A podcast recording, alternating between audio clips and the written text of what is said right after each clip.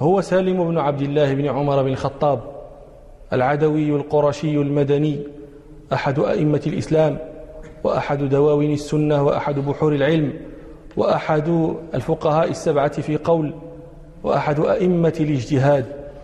وكان ابن عمر يحبه حبا شديدا.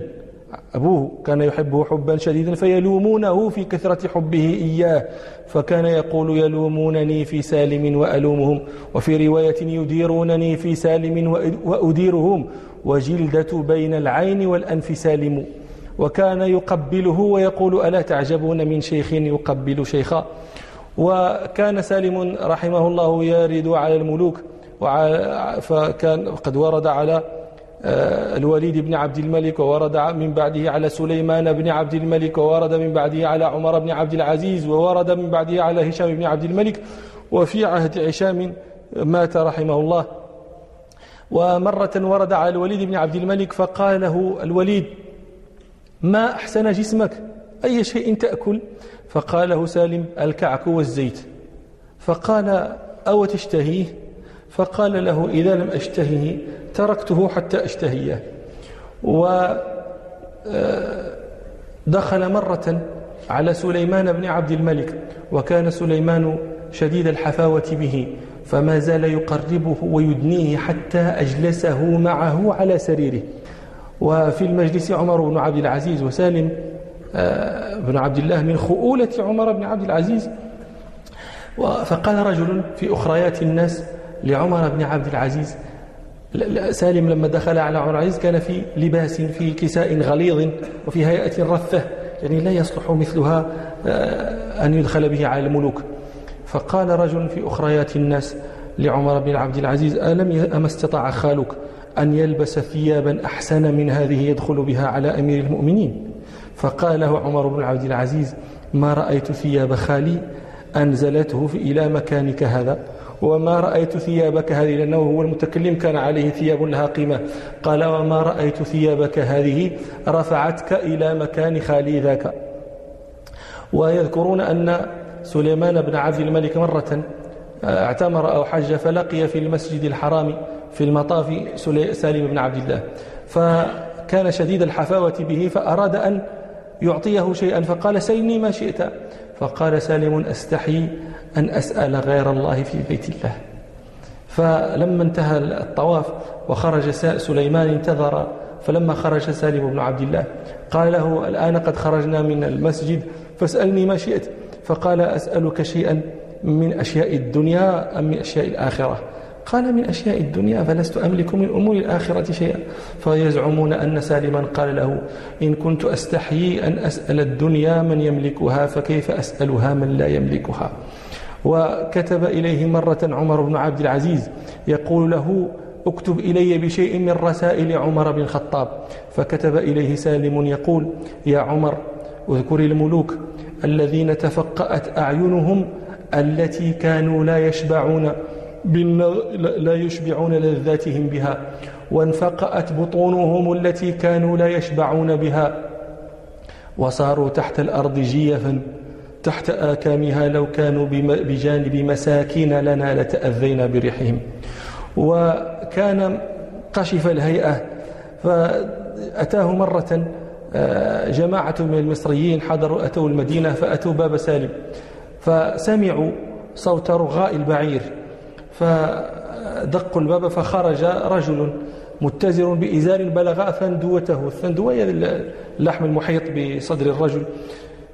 إزار هكذا متزر به إلى ثندوتيه فقالوا له أسيدك داخل؟ قال من تريدون؟ قالوا سالم. قال أنا سالم. فقال سلوا عما شئتم ماذا تريدون؟ قالوا نريد أن نسألك عن شيء. فقال سلوا ما شئتم فجلس وهو بهيئته تلك كان يعني يداوي بعيره فجلس وفي يده. ما ما يعني ما بقي فيها من آثار ذلك الدواء يجيبهم عما يريدون. وجاء مرة حج هشام بن عبد الملك فأتى المدينة فلقيه سالم فقال فأعجبته سحنته فقال أي شيء تأكل؟ قال خبز والزيت فقال فإذا لم تشتهيه؟ قال أخمره حتى أشتهيه. فعانه أصابه بالعين فمرض سالم فمات. فحضر هشام جنازته وأجفل أهل المدينة إلى جنازة هشام لم يتأخر منهم أحد. فرآهم هشام بن عبد الملك فقال إن أهل المدينة لكثير. فضرب عليهم بعثا يعني أمرهم بالخروج إلى الغزو إلى الجهاد فلم يرجع منهم أحد كلهم استشهد فتشاءم به أهل المدينة قالوا عان فقيهنا وعان أهل بلدنا ومات سالم رحمه الله سنة ست ومائة وقيل سنة خمس ومائة من الطرائف التي ترتبط بترجمة سالم أن أشعب الطماع هذا مشهور في كتب الأدب بطرائفه أن أشعبا هذا جاء مرة إلى بيت سالم بن عبد الله فقال له سالم أهدي إلينا هريسة ونحن يعني صيام فاجلس فكل. قال فجلس يأكل فأمعن في الأكل. يعني أمعن في الأكل آه، كما قال الحريري. وأبو زيد مكب على إعمال يديه. ماشي بعض شيوخنا كان إذا رأى بعض الناس آه، يأكل أكلا عنيفا لا يرفق بالأكل ولا بالآكلين. يقول هذا يأكل بجوارحه كلها لا يأكل فقط بيد أو بفم يأكل بجوارحه كلها.